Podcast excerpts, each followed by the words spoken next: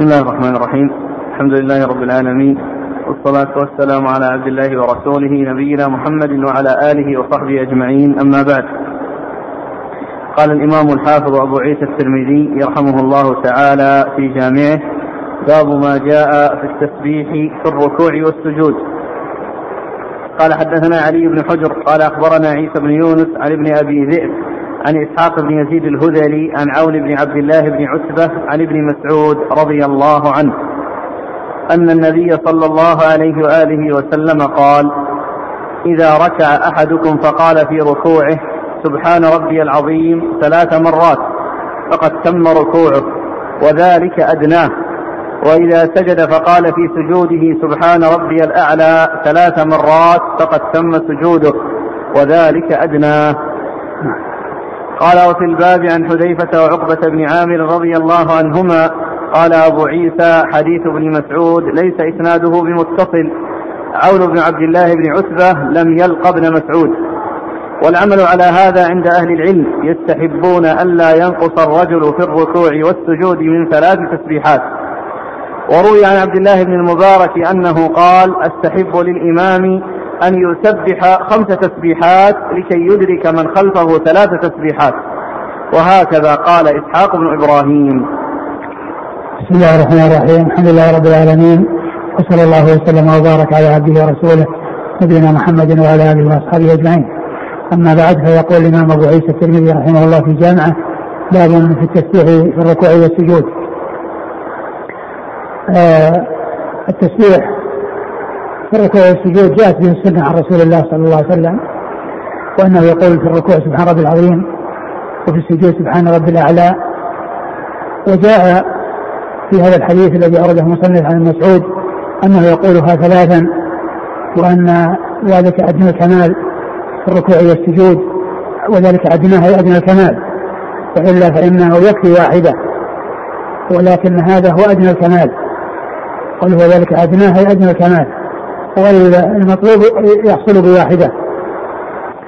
والحديث الذي أورده المصنف في إسناده انقطاع وفيه رجل مجهول وهو ضعيف لكن المبارك كوري ذكر جملة من الأحاديث في ذلك فيها شيء من الضعف. وقال إن بعضها إذا ضم إلى بعض يعني يدل على اعتبارها وأن الإنسان يأتي بثلاث تسبيحات في الركوع والسجود ثلاث تسبيحات سبحان ربي العظيم في الركوع وثلاث تسبيحات سبحان ربي الأعلى في السجود. و وال والإسناد كما عرفنا فيه الانقطاع وفيه الجهالة. في الراوي عن عون الذي آه الذي عون بن عبد بن عبد الله بن عتبة. الذي روى عن ابن مسعود فيه انقطاع بينه وبين مسعود. والراوي عنه هو إسحاق بن يزيد الهذلي. إسحاق بن يزيد الهذلي. هذا مجهول. فهو ضعيف من هاتين الناحيتين. ولكن الاحاديث الأخرى التي ذكرها الشارع المبارك كوري وفيها ضعف يعني يمكن أن يجبر بعضها بعضا فيكون الإتيان بثلاث تسبيحات في الركوع مطلوب كذلك السجود. وهذا قالوا عنه إنه أدنى أدنى الكمال. وإذا زاد على ذلك فهو مستحب ولكن هذا أدنى الكمال. نعم. قال حدثنا علي بن حجر. علي بن حجر ثقة أخرجه البخاري ومسلم والترمذي والنسائي. عن عيسى بن يونس. عن عيسى بن يونس بن أبي إسحاق ثقة أخرجه أصحاب كتب الستة. عن ابن أبي ذئب. عن ابن أبي ذئب محمد بن عبد الرحمن بن بن المغيرة. ابن أبي ذئب ثقة. أخرجه أصحاب كتب الستة. عن إسحاق بن يزيد الهذلي. عن إسحاق بن يزيد الهذلي وهو مجهول أخرج له أبو داود والترمذي وابن ماجه. أبو داود والترمذي وابن ماجه. عن عون بن عن عون بن عبد الله وهو ثقة أخرج له. مسلم وأصحاب السنن. أخرجه مسلم وأصحاب السنن. عبد الله بن مسعود رضي الله تعالى عنه وحديثه أخرجه أصحاب الكتب الستة.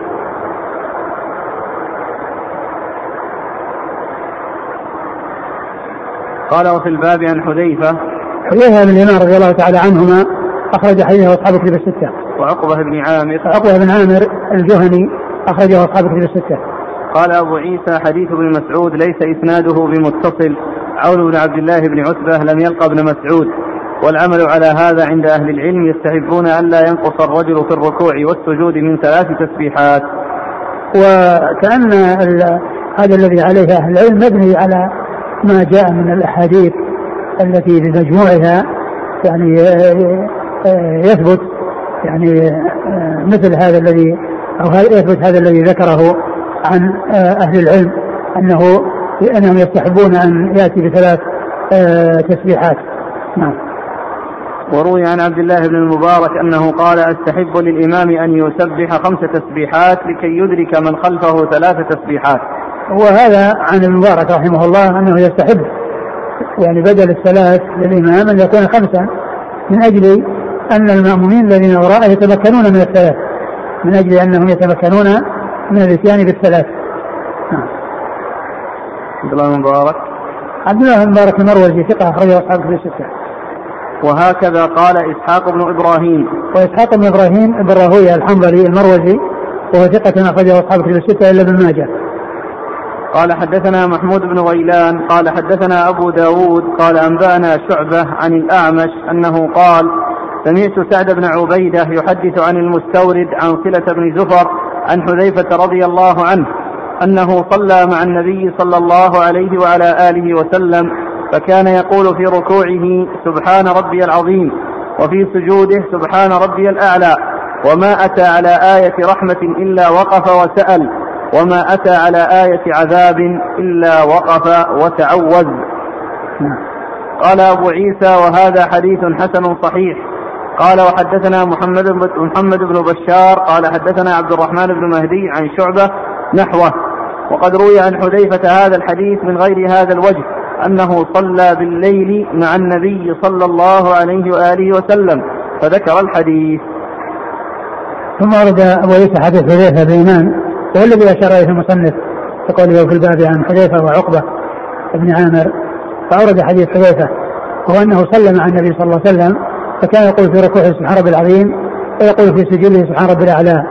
وما مر بآية فيها رحمة إلا وسأل وما مر بآية إلا وتعوذ إذا إذا كان فيها عذاب إلا وتعوذ وجاء أن هذا في صلاة الليل يعني هذا التعوذ يعني وهذا السؤال إنما هو في صلاة الليل لأنه صلى معه وكان قرأ البقرة والنساء وآل عمران وما يمر بآية فيها رحمة إلا سأل ولا آية فيها عذاب إلا وتعوذ و, و وجاء أيضا أن أن أن أن, أن هذا القول ويقول سبحان ربي العظيم ويقول سبحان ربي الأعلى أنه يكون في المكتوبة فليس خاصا في يعني صلاة الليل وإنما هو في صلاة في النازلة وفي المكتوبة. أما ما يتعلق بالتعوذ والسؤال فقد جاء في صلاة الليل وجاء في صلاة النفل.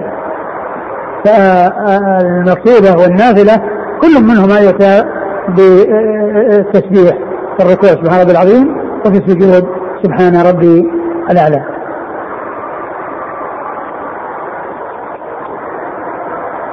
قال حدثنا محمود بن غيلان. محمود بن غيلان ثقة أخرجه أصحابه في السكة إلا أبا داود. عن أبي داود. عن أبي داود وهو الطيالسي وهو سليمان بن داود وهو ثقة أخرجه أصحاب كتب السته أخرجه البخاري تعليقا. وهو ثقة اخرجه البخاري تعليقا ومسلم وأصحاب السنن. عن شعبة. عن شعبة بن الحجاج الواصلي هم البصري ثقة أخرجه أصحاب كتب الستة عن الأعمش عن الأعمش سليمان بن مهران الكاهلي الكوفي ثقة أخرجه أصحاب كتب الستة عن سعد بن عبيدة سعد بن عبيدة ثقة أخرجه أصحاب كتب الستة عن المستورد عن المستورد بن الاحنف وهو ثقة أخرج له مسلم وأصحاب السنن. ثقة أخرج له مسلم وأصحاب السنن. عن صلة بن زفر. عن صلة بن زفر وهو ثقة أخرج له أصحاب الكتب. أصحاب الكتب الستة. عن حذيفة. عن حذيفة رضي الله عنه وقد مر ذكره.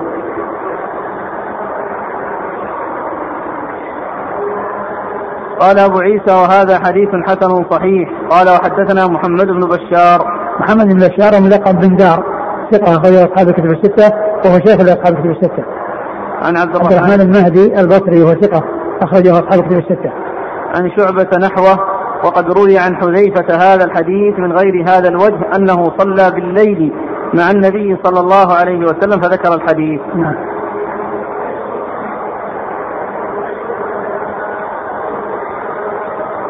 يقول السائل فضيلة الشيخ ما حكم ما لو لم يسبح أصلا ولو مرة؟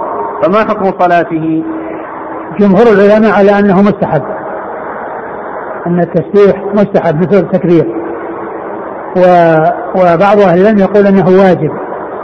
فالذين يقولون بالوجوب إذا تعمد فإنه لا تصح صلاته.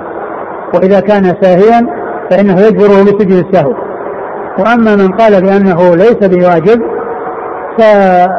فتركه لا يؤثر لأنه من جنس ترك الأشياء المستحبة التي إذا فوق إذا لم يأتي بها الإنسان فإنه لا يؤاخذ. نعم. يقول السائل جزاك الله خيرا. صح عن النبي صلى الله عليه وسلم أنه في صلاة الليل إذا مر بآية عذاب استعاذ وإذا كانت آية رحمة سال. فلماذا لا يفعل في الصلوات المكتوبة والقاعدة؟ ما ثبت في النفل يثبت للفرض. ليس الأمر كذلك. لا يقال إن كل ما ثبت في النفل يكون في الفرض. لا يقال ذلك لأن ال ال ال النفل يختلف عن الفرض. يعني يتفق معه ويختلف معه يختلف. ولكن ليس كل ما جاء يعني في النفل يقال إنه يعني يصح أو يثبت به الفرض. مثل الصلاة في داخل الكعبة جاءت جاء في النفل وما جاء فيها فرض والإنسان لا يصلي في الكعبة فرضا هو عقب فقال إلا ما استثناه الدليل. هل هذا من المستثنى؟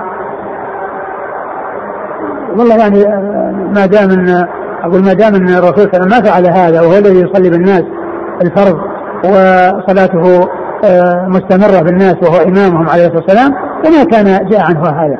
وما نقل عنه هذا في الفرض.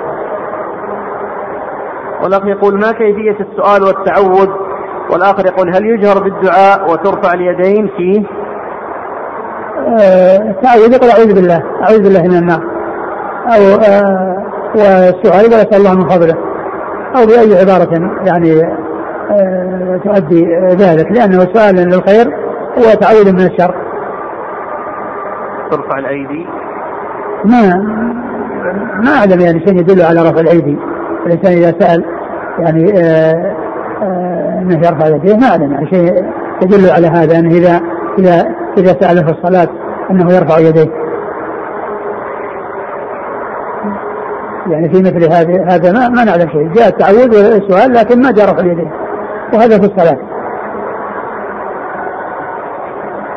الآن في الحديثين سبحان ربي العظيم وسبحان ربي الأعلى زيادة وبحمده ما أذكر يعني ما أتذكر يعني في في هذا الشيء. قال رحمه الله تعالى باب ما جاء في النهي عن القراءة في الركوع والسجود. قال حدثنا إسحاق بن موسى الأنصاري قال حدثنا معن قال حدثنا مالك بن أنس قال حاء وحدثنا قتيبة عن مالك عن نافع عن إبراهيم بن عبد الله بن حنين عن أبيه عن علي بن أبي طالب رضي الله عنه. أن النبي صلى الله عليه وآله وسلم نهى عن لبس القسي والمعصر وعن تختم الذهب وعن قراءة القرآن في الركوع. ثم ورد أبو عيسى هذا الثاني باب في في القراءة. في النهي عن النهي عن القراءة في الركوع والسجود. لأنه يعني في حال ركوعه وسجوده لا يقرأ شيء من القرآن. لأن القرآن هو في حال القيام. والركوع والسجود فيه الثناء والدعاء فلو كان محلا للقراءة لصارت الصلاة كلها قراءة وما صار هناك يعني مجال للدعاء والذكر. فلما كان السجود والركوع شرع فيه الدعاء وشرع فيه التعظيم الرب سبحانه وتعالى نهي عن القراءة فيه لأن القراءة خصصت خصص لها القيام. يعني الإنسان يقرأ وهو قائم فلا يقرأ وهو ساجد ولا يقرأ وهو راكع ولا يقرأ وهو راكع لأن كل آه، آه، حالة من الحالات لها ذكر يخصها. في حال القيام لها, لها ذكر القرآن وفي حال الركوع آه، الاكثار من تعظيم الرب ويجوز الدعاء لأن النبي صلى الله عليه وسلم لقوله صلى الله عليه وسلم لقول عائشة أنه بعد ما نزل عليه إذا جاء صلى الله الفتح كان يقول في ركوعه سبحانك اللهم وبحمدك سبحانك اللهم وبحمدك اللهم اغفر لي. سبحانك اللهم وبحمدك اللهم اغفر لي. فإن سبحانك اللهم وبحمدك هذا ثناء وتعظيم لله سبحانه وتعالى وتنزيه واللهم اغفر لي هذا دعاء. هذا دعاء. والجمع بين التسبيح والتحميد في مثل هذه هذا الحديث. الذي سبحانك اللهم وبحمدك. سبحانك اللهم وبحمدك اللهم اغفر لي فإنه يتابعها في الركوع والسجود فإنه يتابعها في الركوع والسجود فلما كانت الركوع والسجود محل للذكر والثناء على الله عز وجل لم يشرع فيه الدعاء بل نهي عنه. و لأن القراءة لها آه، هيئة تخصها وهي هيئة القيام. نعم. آه، عن علي رضي الله عنه أن النبي صلى الله عليه وسلم نهى عن لبس القسي نهى عن لبس القسي وهي ثياب يكون فيها شيء من الحرير مخلوطة بشيء من الحرير. والمعصفر الذي صبغ بالعصفر وهو صبغ أصفر العصفر يعني أصفر. وكذلك المعصفر وعن تختم عن تختم الذهبان في حق الرجال. تختم بالذهب في حق الرجال. وأما في النساء فلهن يتختمن بالذهب. نعم. وعن قراءة القرآن في الركوع. وعن قراءة القرآن في الركوع وكذلك السجود. لأنه جاء في آه يعني بعض الأحاديث الجمع بينهما. نهيت أن أقرأ القرآن راكعا أو ساجدا. نعم. قال حدثنا إسحاق بن موسى الأنصاري. إسحاق بن موسى الأنصاري ثقة أخرجه مسلم وأخرجه مسلم والترمذي والنسائي وابن ماجه. عن من؟ عن مان بن عيسى ثقة أخرجه أصحابه في الستة. عن مالك عن مالك بن أنس إمام دار الهجرة المحدث الفقيه أحد أصحاب المذاهب الأربعة المشهورة مذاهب أهل السنة وحديثه أخرجه أصحابه في الستة. قال حا وحدثنا قتيبة حال التحول من إسناد إلى إسناد وقتيبة هو بن سعيد بن جميل بن طريف البغلاني ثقة أخرجه أصحاب في الستة. عن مالك عن نافع عن مالك آه، وبه التقى الإسنادان الإسناد الأول يعني نازل والاسناد الأخير عال ونافع هو بن عمر وهو ثقة أخرجه أصحاب في الستة. عن إبراهيم بن عبد الله بن حنين عن إبراهيم بن عبد الله بن حنين ثقة أخرجه أصحاب في الستة. عن أبي وأبوه كذلك ثقة أخرجه أصحاب في الستة. عن علي عن علي رضي الله عنه أمير المؤمنين ورابع الخلفاء الراشدين الهادي المهديين صاحب المناقب الجنة والفضائل الكثيرة رضي الله عنه وأرضاه وحديثه أخرجه أصحاب كتب الستة.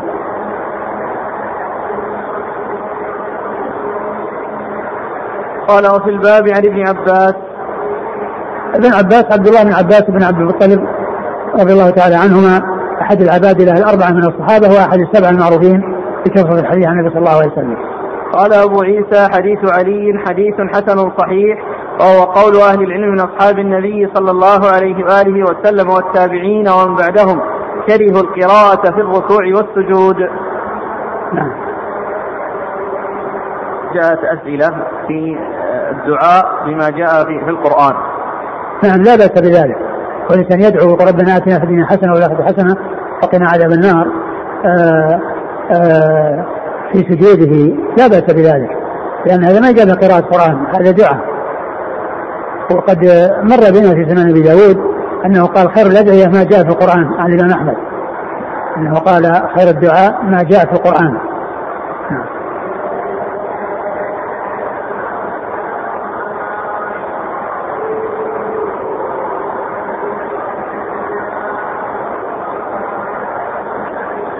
قال رحمه الله تعالى باب ما جاء في من لا يقيم صلبه في الركوع والسجود.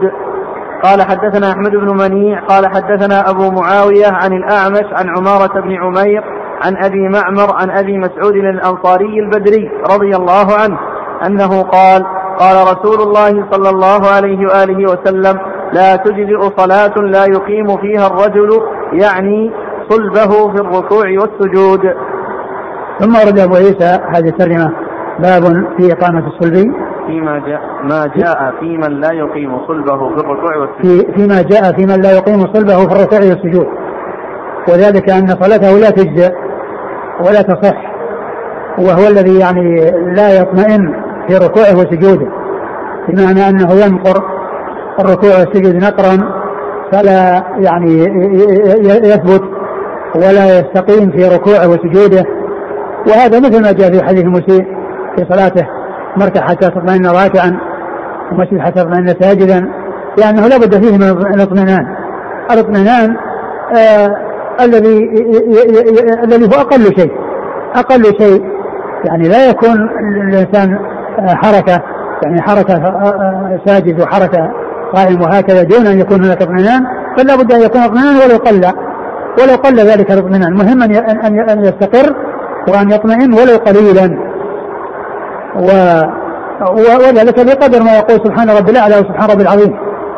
المهم أن أن أن يستقر في ركوعه وسجوده الذي هو الاطمئنان وهذا المقصود بإقامة الصلب في الركوع والسجود معنى أنه يعني آه، يبقى يكون ساجدا لا أن ينقر نقرا كنقر آه، الطير الذي يصل الأرض يلقط الحب بسرعة ثم يرفع ثم يرفع رأسه. يعني بعد ما يلتقط الحب فإنما يعني يبقى ويثبت ويستقر في ركوعه ولو قل ذلك الاطمئنان وذلك الاستقرار. آه، أورد آه، الترمذي رحمه الله حديث أبي مسعود. أبي مسعود عقبة بن عمرو الأنصاري البدري رضي الله تعالى عنه أنه قال لا تجزئ نعم لا تجزئ صلاة لا يقيم فيها الرجل يعني صلبه في الركوع والسجود. لا تجزئ صلاة لا يقيم فيها الرجل يعني صلبه في الركوع والسجود. وهذا قول لا تجزئ يعني معناها لا تصح وأنها غير مجزئة وليس على تبرى بها الذمة. فلا بد من الاستقرار ولو كان قليلا. نعم.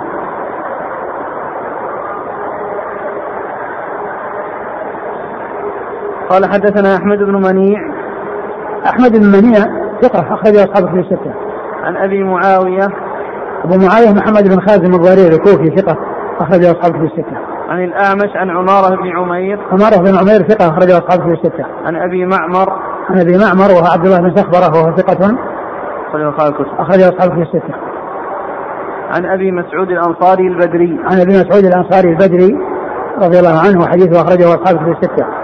و آه، يقال له البدري رضي الله عنه. بعض العلماء يقول إنه ليس ممن شهد بدرا ولكنه سكن بدرا فنسب إليها. وبعض أهل العلم قال إنه شهد بدرا وذكر ذلك الشارح عن جماعة منهم البخاري ومسلم إذا عز ذلك إلى إلى الفتح وقال إنه يعني كذلك في التهذيب. يعني قال إنه جماعة قالوا إنهم من شهد بدرا فيكون نسبته البدري نسبة إلى إلى المنقبة الفضيلة التي هي شهود بدر والتي قال النبي صلى الله عليه وسلم في حق أهلها وما يدريك لعل الله طلع على أهل بدر فقال اعملوا ما شئتم فقد غفرت لكم. ذكر عن جماعة.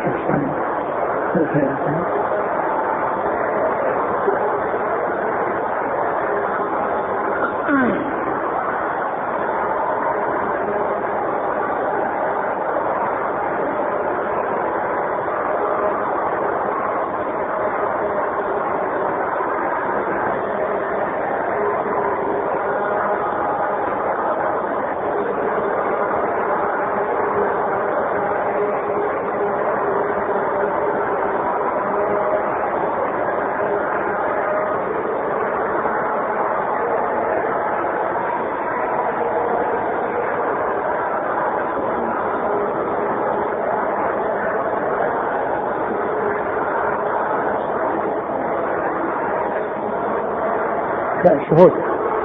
هذا هو المشهور الشهود.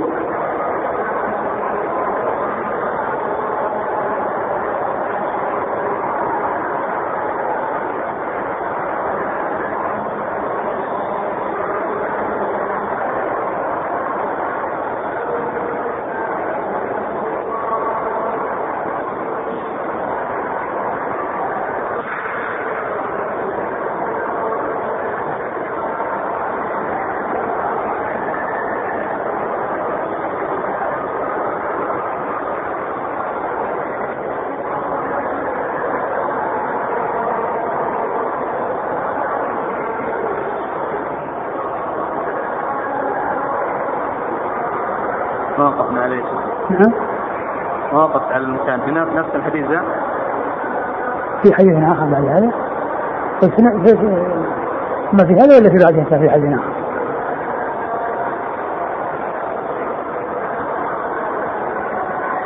معك الشرح ولا أحمد شاكر؟ ها؟ الشرح ولا أحمد شاكر؟ الشرح. لا أحمد شاكر. إذا شفنا الشرح نعم. إيه؟ الشرح نعم.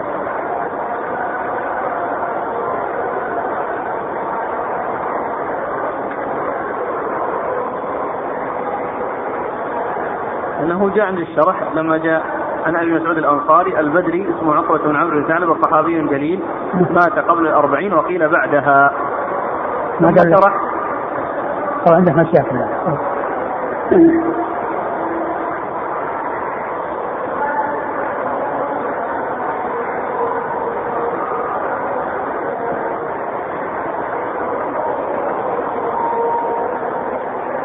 قال ابن سعد في الطبقات في ترجمة أبي مسعود شهد ليلة العقبة وهو صغير ولم يشهد بدرا وشهد أحدا.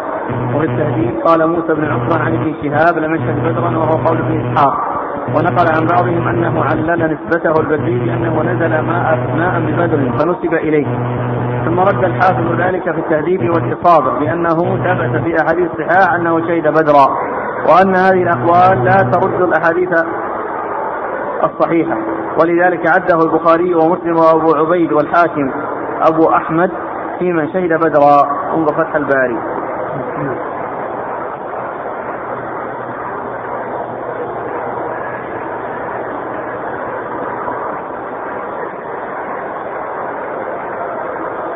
قال وفي الباب عن علي بن شيبان علي بن شيبان صحابي أخرج له. قال المفرد وأبو داود وابن ماجه. البخاري في المفرد وأبو داود وابن ماجه. وأنس.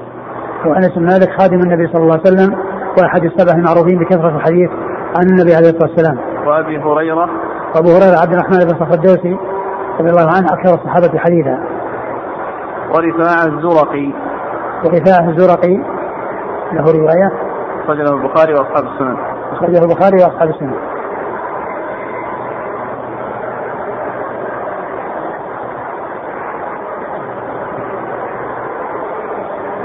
قال أبو عيسى حديث أبي مسعود الأنصاري حديث حسن صحيح والعمل على هذا عند أهل العلم أصحاب النبي صلى الله عليه وسلم بعدهم يرون أن يقيم الرجل صلبه في الركوع والسجود.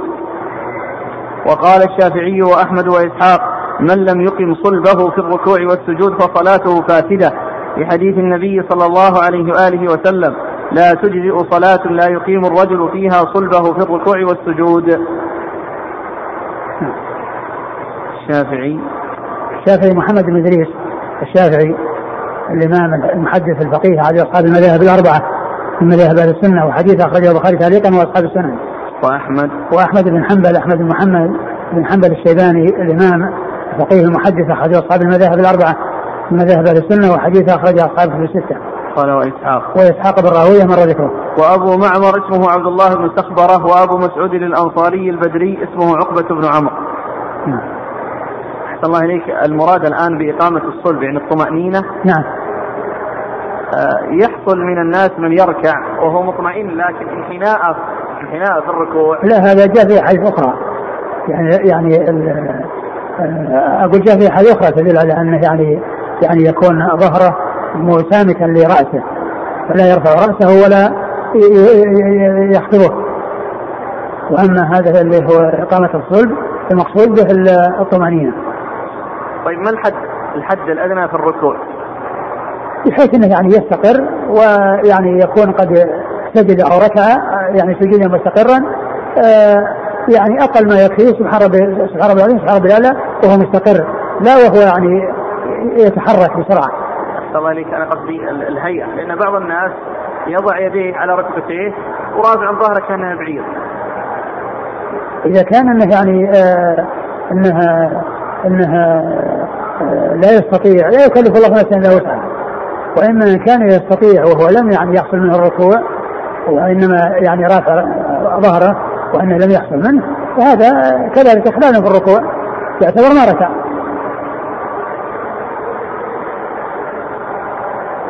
أما إذا كان إنه يعني الركوع يعني حاصل وإن كذا وإنما رأسه قد يكون يعني ارتفع أو أو, أو انخفض ما يقال انه ما ركع لكن هذا الذي يحصل منه إنه يعني يهوي وهو يعني ما ما آه، آه، ركع وإنما يعني انحنى انحناء يسيرا لا يقال له ركوع فهذا ما هو ركوع.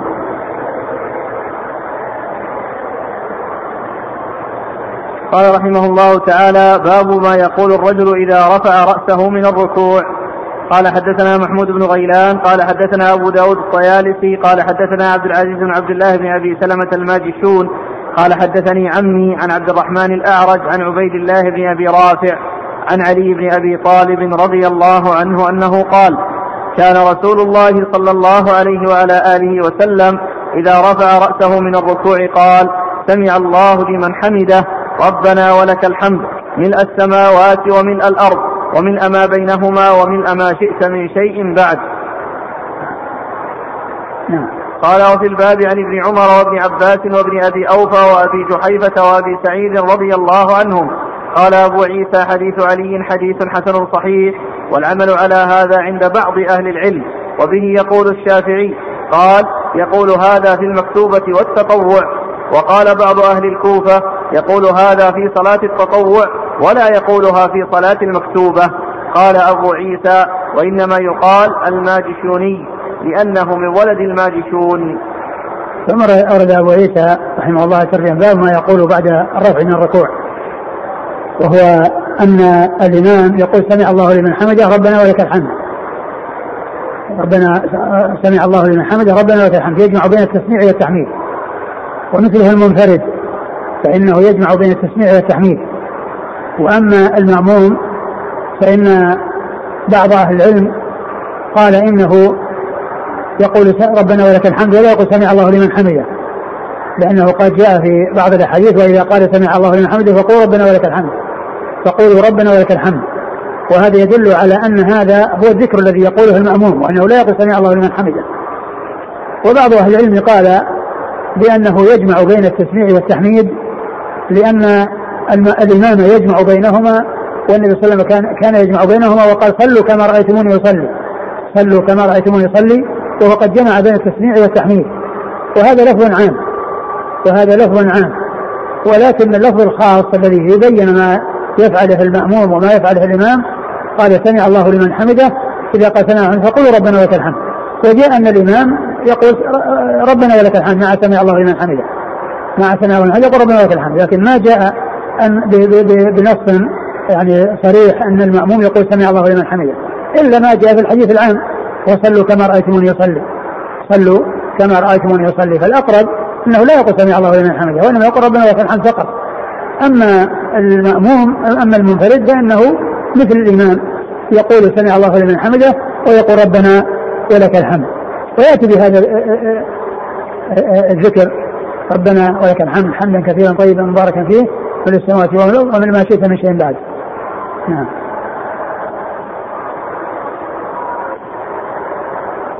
قال حدثنا محمود بن غيلان عن أبي داود سمع قيل معناها استجاب.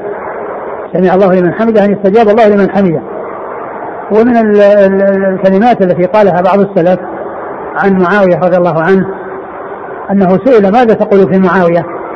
فقال ماذا أقول في رجل صلى خلف النبي صلى الله عليه وسلم؟ فقال النبي صلى الله عليه وسلم في الصلاة سمع الله لمن حمده. فقال معاوية وراءه ربنا ولك الحمد. ماذا أقول في رجل هذا شأنه؟ صلى خلف النبي صلى الله عليه وسلم فقال النبي صلى الله عليه وسلم في الصلاة سمع الله لمن حمده. فقال معاوية وراءه ربنا ولك الحمد. نعم. قال حدثنا محمود بن غيلان عن أبي داود الطيالسي عن عبد العزيز بن عبد الله بن أبي سلمة الماجشون. آه محمود بن غيلان مر ذكره هو أبو داود. الطيالسي مر ذكره. وعبد العزيز. بن بن عبد عبد العزيز بن عبد الله بن أبي سلمة الماجشون ثقة أخرجه أصحابه في الستة. وعمه صدوق أخرج له مسلم وأبو داود الترمذي والنسائي. مسلم وأبو داود الترمذي والنسائي. عن عن عبد الرحمن الأعرج. عن عبد الرحمن الأعرج وهو عبد الرحمن بن هرمز. ثقة أخرج أصحابه في الستة. عن أبي هريرة. عن عبيد الله بن أبي رافع. عن عبيد الله بن أبي رافع وهو ثقة أخرج له أصحاب الكتب. نعم. أصحاب الكتب الستة. عن علي. عن علي رضي الله عنه أمير المؤمنين وقد مر ذكره. قال وفي الباب عن ابن عمر. ابن عمر عبد الله بن عمر بن الخطاب رضي الله عنهما أحد العبادلة الأربعة وأحد السبعة المعروفين بكثرة الحديث عن النبي صلى الله عليه وسلم. وابن عباس. وابن عباس كذلك مر ذكره. وابن أبي أوفى. وابن أبي أوفى عبد الله بن أبي أوفى أخرجه أصحاب الكتب الستة. وأبي جحيفة. وأبي جحيفة وابي بن عبد الله السوائي أخرجه أصحاب الكتب الستة. وأبي سعيد. أبو سعيد الخدري سعد بن مالك بن سنان أحد السبعة المعروفين بكثرة الحديث عن النبي صلى الله عليه وسلم. قال أبو عيسى حديث علي حديث حسن صحيح والعمل على هذا عند بعض أهل العلم. نعم. وبه يقول الشافعي قال يقول هذا في المكتوبة والتطوع. نعم. وقال هذا في المكتوبة والتطوع لا فرق بين الفرض والنفل نعم. وبعض أهل الكوفة يقول هذا في صلاة التطوع ولا يقولها في صلاة المكتوبة نعم. والدليل والحديث كما هو كما هو معلوم يعني آه، شامل لهما. قال أبو عيسى وإنما يقال الماجشوني لأنه من ولد الماجشون. نعم.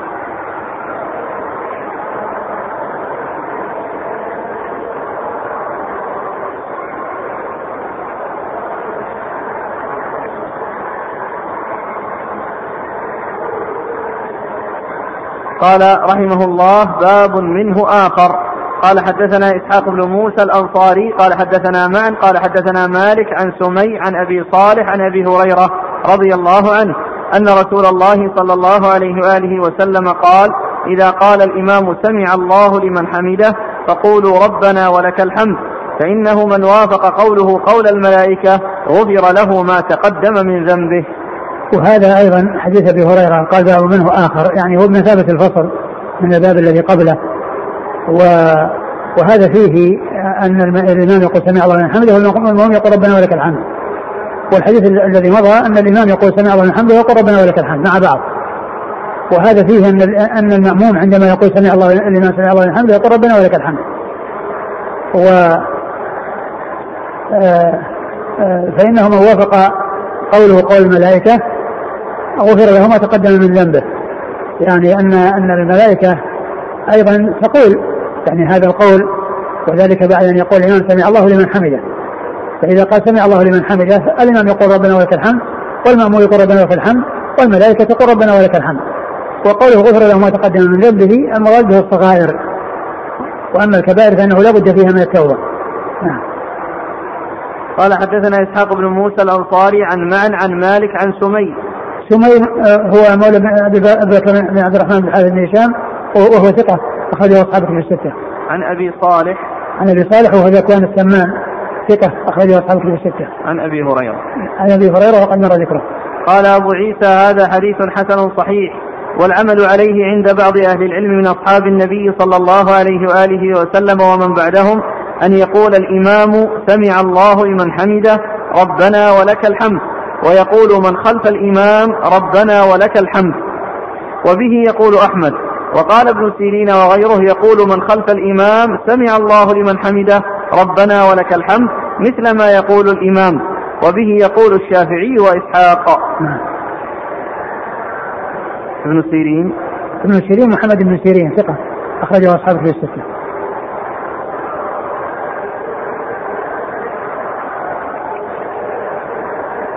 قال رحمه الله تعالى باب ما جاء في وضع الركبتين قبل اليدين في السجود.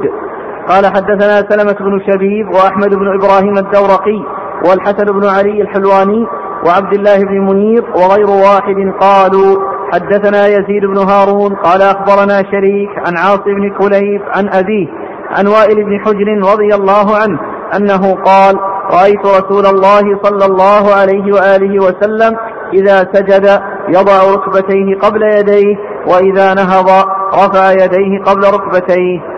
قال زاد الحسن بن علي في حديثه قال يزيد بن هارون ولم يروي شريك عن عاص بن كليب إلا هذا الحديث. قال أبو عيسى هذا حديث حسن غريب لا نعرف أحدا رواه مثل هذا عن شريك. والعمل عليه عند أكثر أهل العلم يرون أن يضع الرجل ركبتيه قبل يديه وإذا نهض رفع يديه قبل ركبتيه.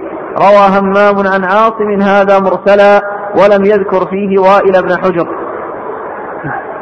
قال رحمه الله باب آخر منه. نعم قال حدثنا قتيبة قال حدثنا عبد الله بن نافع عن محمد بن عبد الله بن حسن عن أبي الزناد عن الأعرج عن أبي هريرة رضي الله عنه أن النبي صلى الله عليه وآله وسلم قال يعمد أحدكم فيبرك في صلاته برك الجمل. قال أبو عيسى حديث أبي هريرة حديث غريب. لا نعرفه من حديث أبي الزناد إلا من هذا الوجه. وقد روي هذا الحديث عن عبد الله بن سعيد المقبري عن أبيه عن أبي هريرة رضي الله عنه عن النبي صلى الله عليه وآله وسلم. وعبد الله بن سعيد المقبري ضعفه يحيى بن سعيد القطان وغيره. انتهى. نعم. ثم ورد أبو عيسى باب في تقديم ما جاء في وضع الركبتين. ما جاء في وضع الركبتين قبل اليدين في السجود. في السجود. هذا هذه ترجمة معقودة ومع ال ال مع ال التي معقودة للهيئة التي يكون عليها الهوي للسجود. هل يقدم اليسار ركبتيه أو يقدم يديه؟ وقد جاء في حديث آه، وائل بن حجر أنه يقدم الركبتين. اليدين وجاء في حديث أبي هريرة الذي يعني لم يذكر المصنف هنا ولكنه جاء عند غيره أنه يقدم الركبتين قبل يقدم اليدين قبل الركبتين. يقدم اليدين قبل الركبتين. وحديث أبي حديث وائل فيه شريك وهو متكلم فيه. وحديث أبي هريرة فيه عبد العزيز محمد الدراوردي. وقد جاء حديث أبي هريرة؟ حديث أبي هريرة نعم في ذاك اللي فيه تقديم اليدين على الركبتين اللي فيه التنصيص. عندنا يعني الرواية نعم. محمد نعم. بن عبد الله بن حسن عن أبي الزناد عن الأعرج. نعم هذا الذي ليس في تقديم اليدين على الركبتين في ذكر البروك فقط. هذا في ذكر البروك فقط. وأما الحديث الآخر الذي فيه تقديم اليدين على الركبتين فهو من طريق عبد العزيز محمد الدراوردي عبد العزيز بن محمد الدراوردي ليس عند السنة نعم. ليس عند السنة نعم. آه حديث البروك يعني آه لا ينافي ما جاء في حديث وائل بن حجر.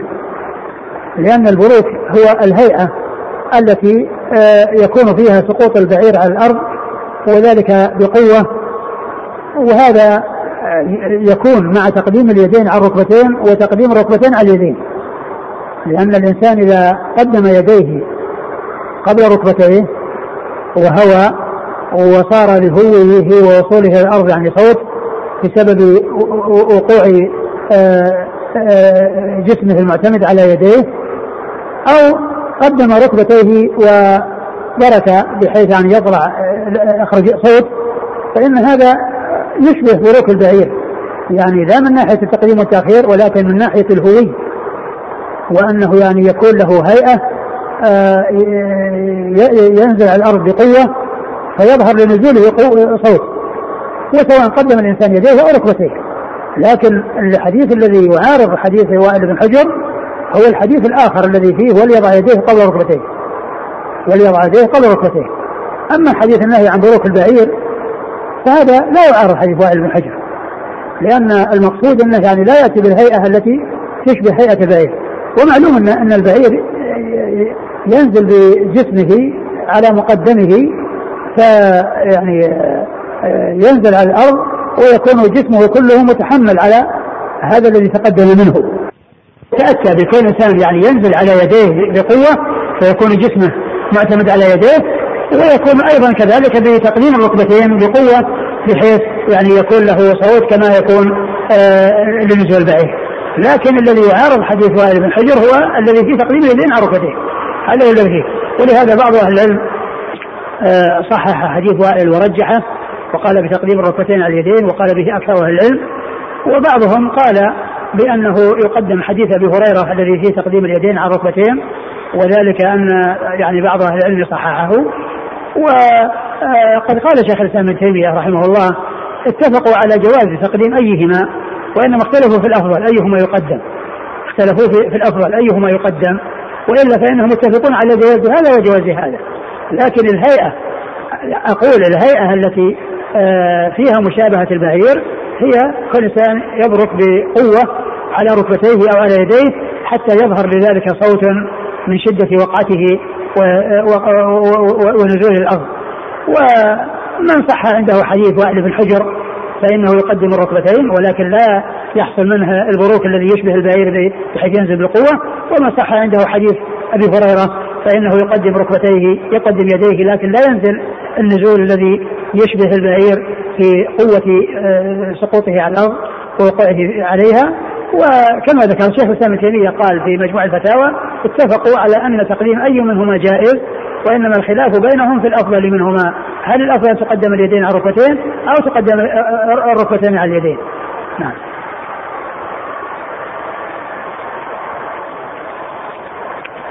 قال حدثنا سلمة بن شبيب. سلمة بن شبيب ثقة.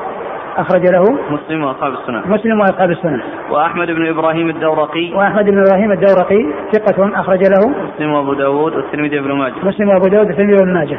والحسن بن علي الحلواني. والحسن بن علي الحلواني ثقة أخرجه أصحاب في الستة إلى النسائي. وعبد الله بن منير. وعبد الله بن منير ثقة أخرجه البخاري. الترمذي والنسائي. والترمذي والنسائي. وغير واحد عن يزيد بن هارون. يزيد بن هارون الواسطي ثقة أخرجه أصحاب في الستة. عن شريك. عن شريك وهو صدوق يخطئ كثيرا. وأخرج حديث البخاري تعليقا ومسلم وأصحاب السنة. عن عاصم بن كليب. عن عاصم بن كليب وهو صدوق أخرج له. البخاري تعليقا ومسلم وأصحاب السنن البخاري تعليقا ومسلم وأصحاب السنة. عن أبيه. عن أبيه وهو كليب بن شهاب الجرح. كليب بن شهاب وهو ثقة أخرج له. صدوق. وهو صدوق أخرج له. البخاري في رفع اليدين. البخاري في رفع اليدين وأصحاب السنة. عن البخاري في جزء رفع اليدين وأصحاب السنة. عن وائل بن حجر. عن وائل بن حجر رضي الله عنه وحديث أخرجه البخاري في جزء القراءة ومسلم وأصحاب السنة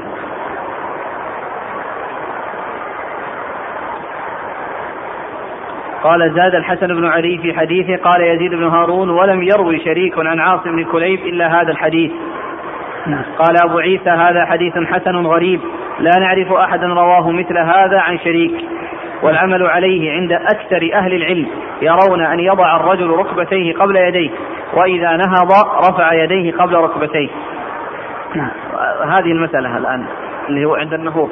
نعم الراجح. يعني بعض أهل العلم قال بأنه يقدم أنه اذا كانت الركبتين وصلت أول فاليدين تصل بعدها ثم الوجه بعد ذلك وعند القيام يكون العكس. أول ما يرفع الرأس ثم ترفع اليدين ثم ترفع آه، آه، الركبتين والذين قالوا بأنها تقدم اليدان قالوا إنها آه، أول ما يرتفع الركبتان واليدان تكون بعد الركبتين. والأمر في ذلك واسع مثل ما مثل مثل ما قلنا. والحديث هذا يدل على تقديم آه، رفع اليدين قبل الركبتين. إذا رفع يديه قبل ركبتيه اذا ما يأتي مسألة العجم. والقيام لا العجن هذه مسألة أخرى.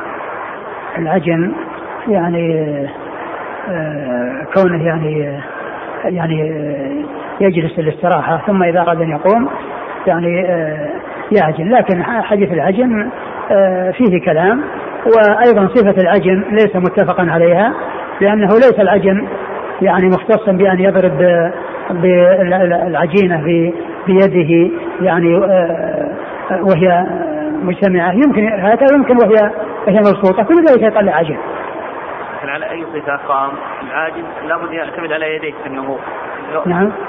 لمن على أي صفة؟ لكن العاجن إذا أراد القيام يعتمد على يديه.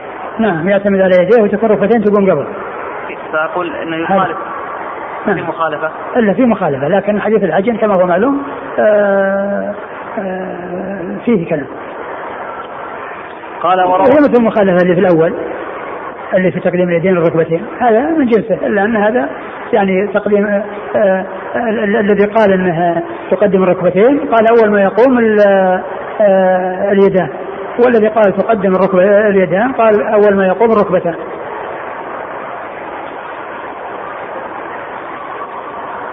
قال وروى همام عن عاصم هذا مرسلا لم يذكر فيه وائل بن حجر. يعني هذه طريقة أخرى وفيها إرسال يعني لم يذكر آه، وائل بن حجر يعني التابعي أضاف إلى الرسول صلى الله عليه وسلم. وهمام هو ابن يحيى العولي ثقة أخرج أصحابه في الستة.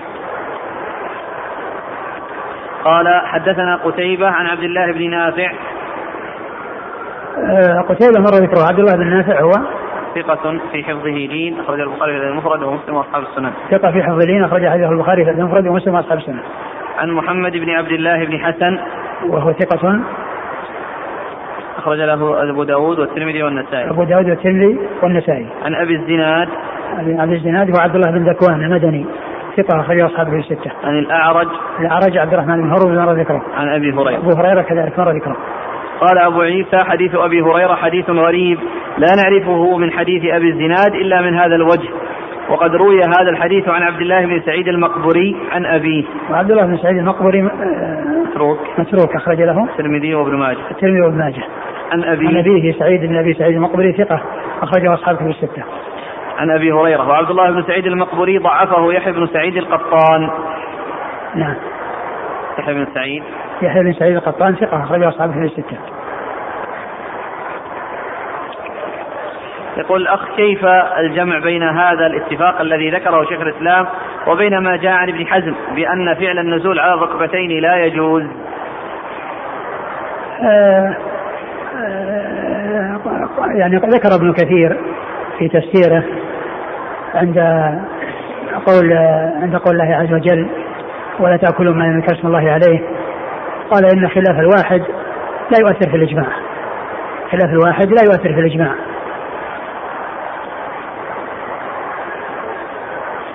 قال رحمه الله تعالى باب ما جاء في السجود على الجبهة والأنف. والله تعالى أعلم وصلى الله وسلم وبارك على عبده ورسوله نبينا محمد وعلى آله وأصحابه أجمعين. جزاكم الله خيرا وبارك الله فيكم ونفعنا الله بما ما ثبت عن ابن عمر رضي الله عنهما ألا يكون مرجح؟ أقول هذا يعني ليس بمرفوع.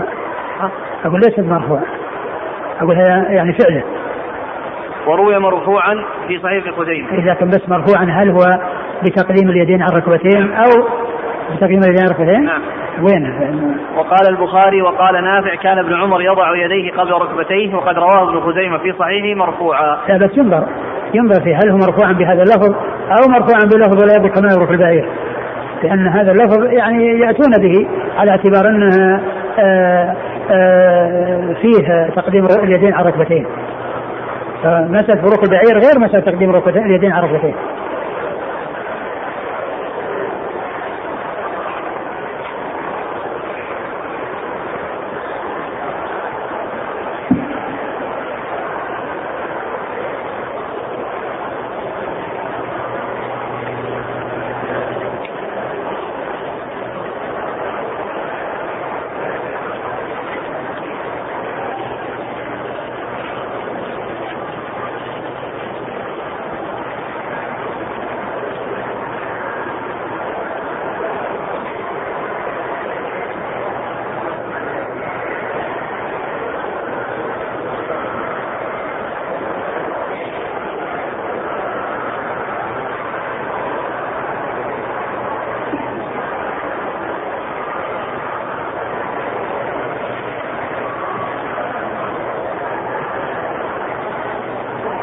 القول بأن الحديث فيه قلب وليضع يديه قبل ركبتيه. هذا ذكره ابن القيم في زاد المعاد.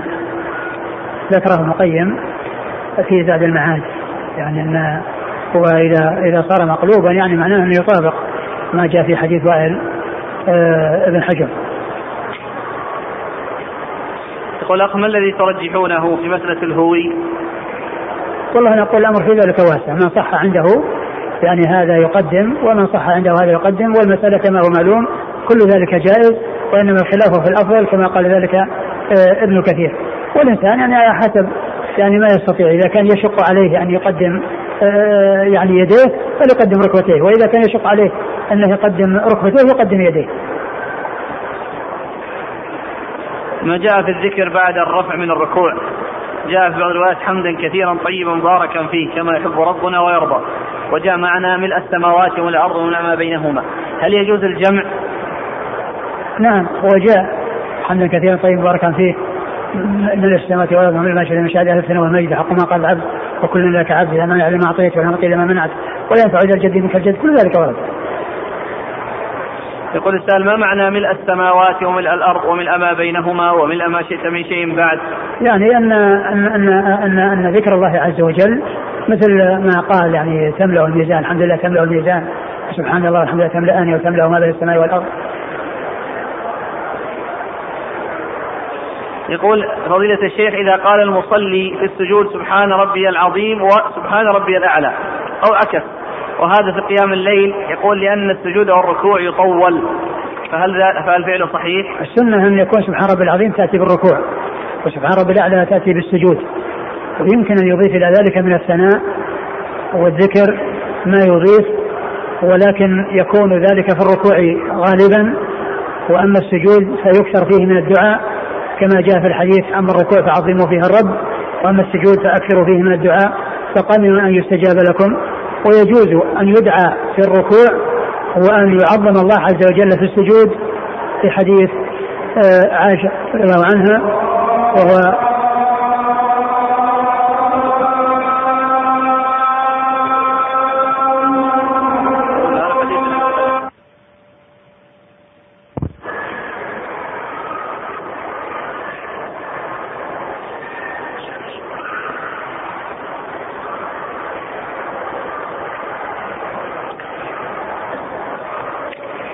الركوع يكثر فيه من التعظيم والثناء والسجود يكثر فيه من الدعاء ويجوز الجمع بينهما في الركوع والسجود لقوله صلى الله عليه وسلم لقول عائشة رضي الله عنها ما صلى وسلم صلاة بعد أن أنزلت عليه آه، إذا جاء نصر الله والفتح إلا قال في ركوعه وسجوده سبحانك اللهم وبحمدك اللهم اغفر لي. يتأول القرآن. يتأول القرآن يعني ينفذ ما جاء في القرآن لأن قول سبحانك اللهم وبحمدك تأويل لقوله فسبح بحمد ربك. وقوله آه، اللهم اغفر لي طويل لقوله واستغفره. فكان يجمع بين هذين في الركوع وفي السجود. فدل هذا على أن الركوع آه، يمكن أن يدعى فيه وأن السجود أيضا كذلك يدعى يثنى على الله عز وجل ويعظم فيه. لكن سبحان رب العظيم يؤتى بها الركوع وسبحان رب الأعلى يؤتى بها السجود كما جاءت بذلك السنة عن رسول الله صلى الله عليه وسلم. يقول الأخ الحديث الذي ورد فيه سبحان ربي العظيم وبحمده ثلاثا وسبحان ربي الأعلى وبحمده ثلاثا حديث عقبة بن عامر قال كان رسول الله صلى الله عليه وسلم إذا ركع قال سبحان ربي العظيم وبحمده ثلاثا وإذا سجد قال سبحان ربي الأعلى وبحمده ثلاثا ذكر الشيخ الألباني رحمه الله في صفة الصلاة صفحة 127 وأحال على سنن أبي داود والبيهقي. سبحان ربي. ربي العظيم وبحمده. آه. سبحان ربي الأعلى. وبحمده آه. ثلاثا. في الشرح ما ذكر ما ذكر هذا مع الأشياء التي قال فيها ثلاثا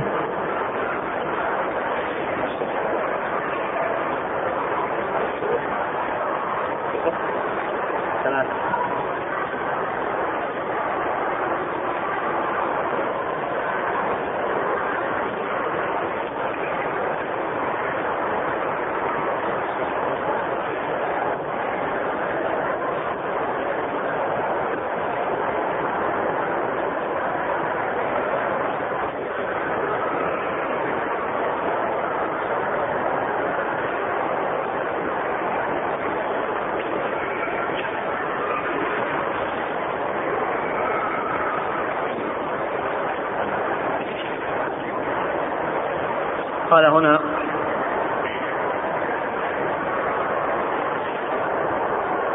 آه قال حديث أبي مالك الأشعري أن الرسول صلى الله عليه وسلم صلى فلما ركع قال سبحان الله وبحمده ثلاث مرات ثم رفع رأسه رواه الطبراني في الكبير وفيه شهر بن حوشب وفيه بعض كلام وقد وثقه غير واحد كذا في مجمع الزوائد. ما ذكر هذه حقبة بن عامر هذا حقبة بن عمرو هذا الذي ذكره الأخ مع الاحاديث هذه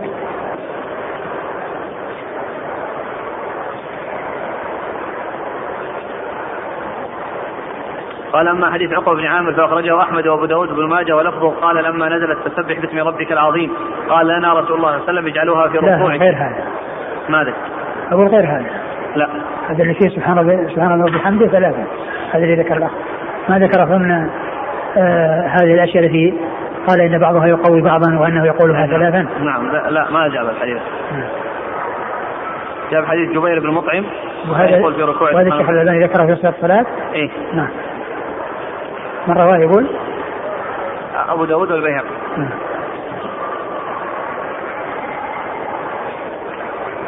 يقول هل الثوب المعصفر هو الذي يكون كله أصفر أو الغالب عليه أصفر؟ وهل يكون شديد الصفرة أو قليلها؟ الثوب إيش؟ المعصفر. نهى عن المعصفر. هل هو الثوب الأصفر؟ لا لا, لا الذي الذي صبغ بالعصفر.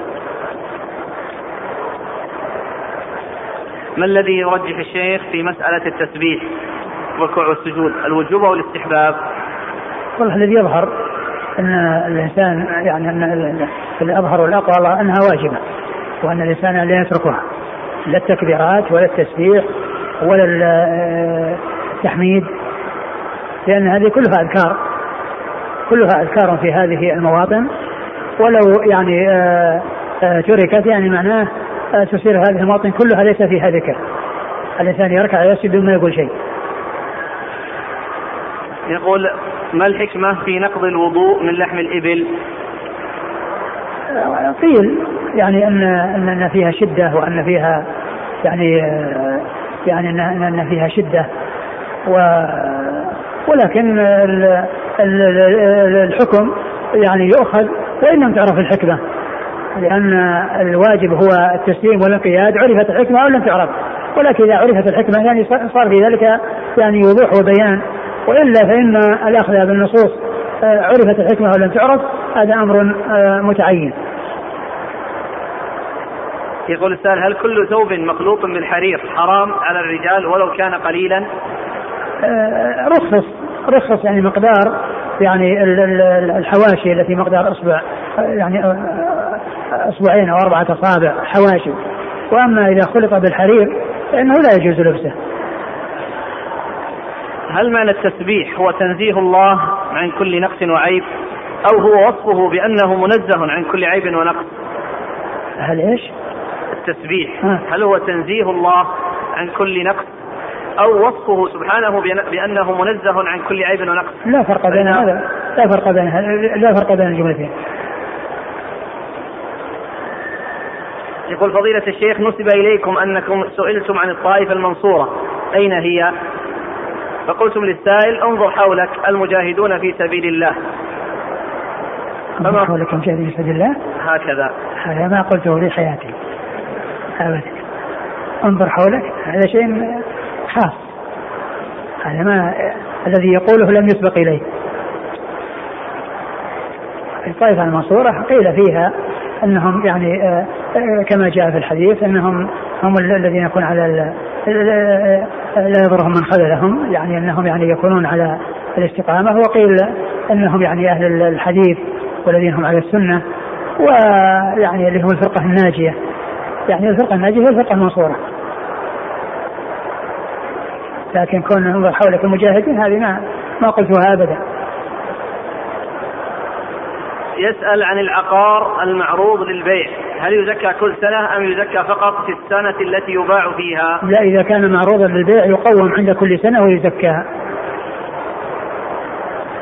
سائل آخر يسأل أنه تهاون في ذلك لمدة لعدة سنوات وكانت الأرض للبيع.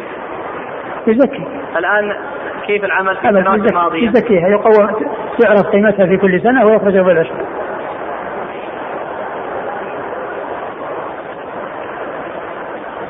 يقول ما حكم من يقول بسم الله في كل أحواله؟ هل هذا سنة أم بدعة؟ بسم الله في كل أحواله. إيه؟ الرسول صلى الله عليه وسلم كان يذكر الله على كل أحواله. وذكر الله عام. يعني فيه التسمية وفيه غيرها. لكن التقيد يعني في, في بلفظ معين يعني في كل شيء يعني يؤتى به في في يؤتى بكل شيء في فيما يناسبه أو على حسب ما ورد. وذكر الله على التسميه وذكر الله عز وجل. لا شك إن هذا من ذكر الله سبحانه وتعالى وكل شيء يذكر فيه اسم الله عز وجل يعني ففيه الخير وفيه البركة.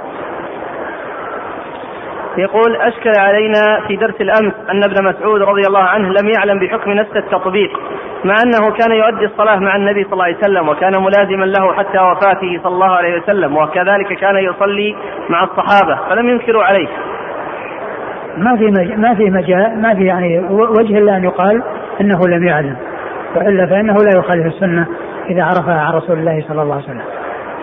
ما في احتمال إلا هذا. جاء في الحديث عن عائشة رضي الله عنها أن النبي صلى الله عليه وسلم قال إن التلبينة تجم الفؤاد وتذهب بعض الحزن أو كما قال صلى الله عليه وسلم فما المقصود بالتلبينة؟ لا أدري. جزاكم الله خيرا وبارك الله فيكم ونفعنا الله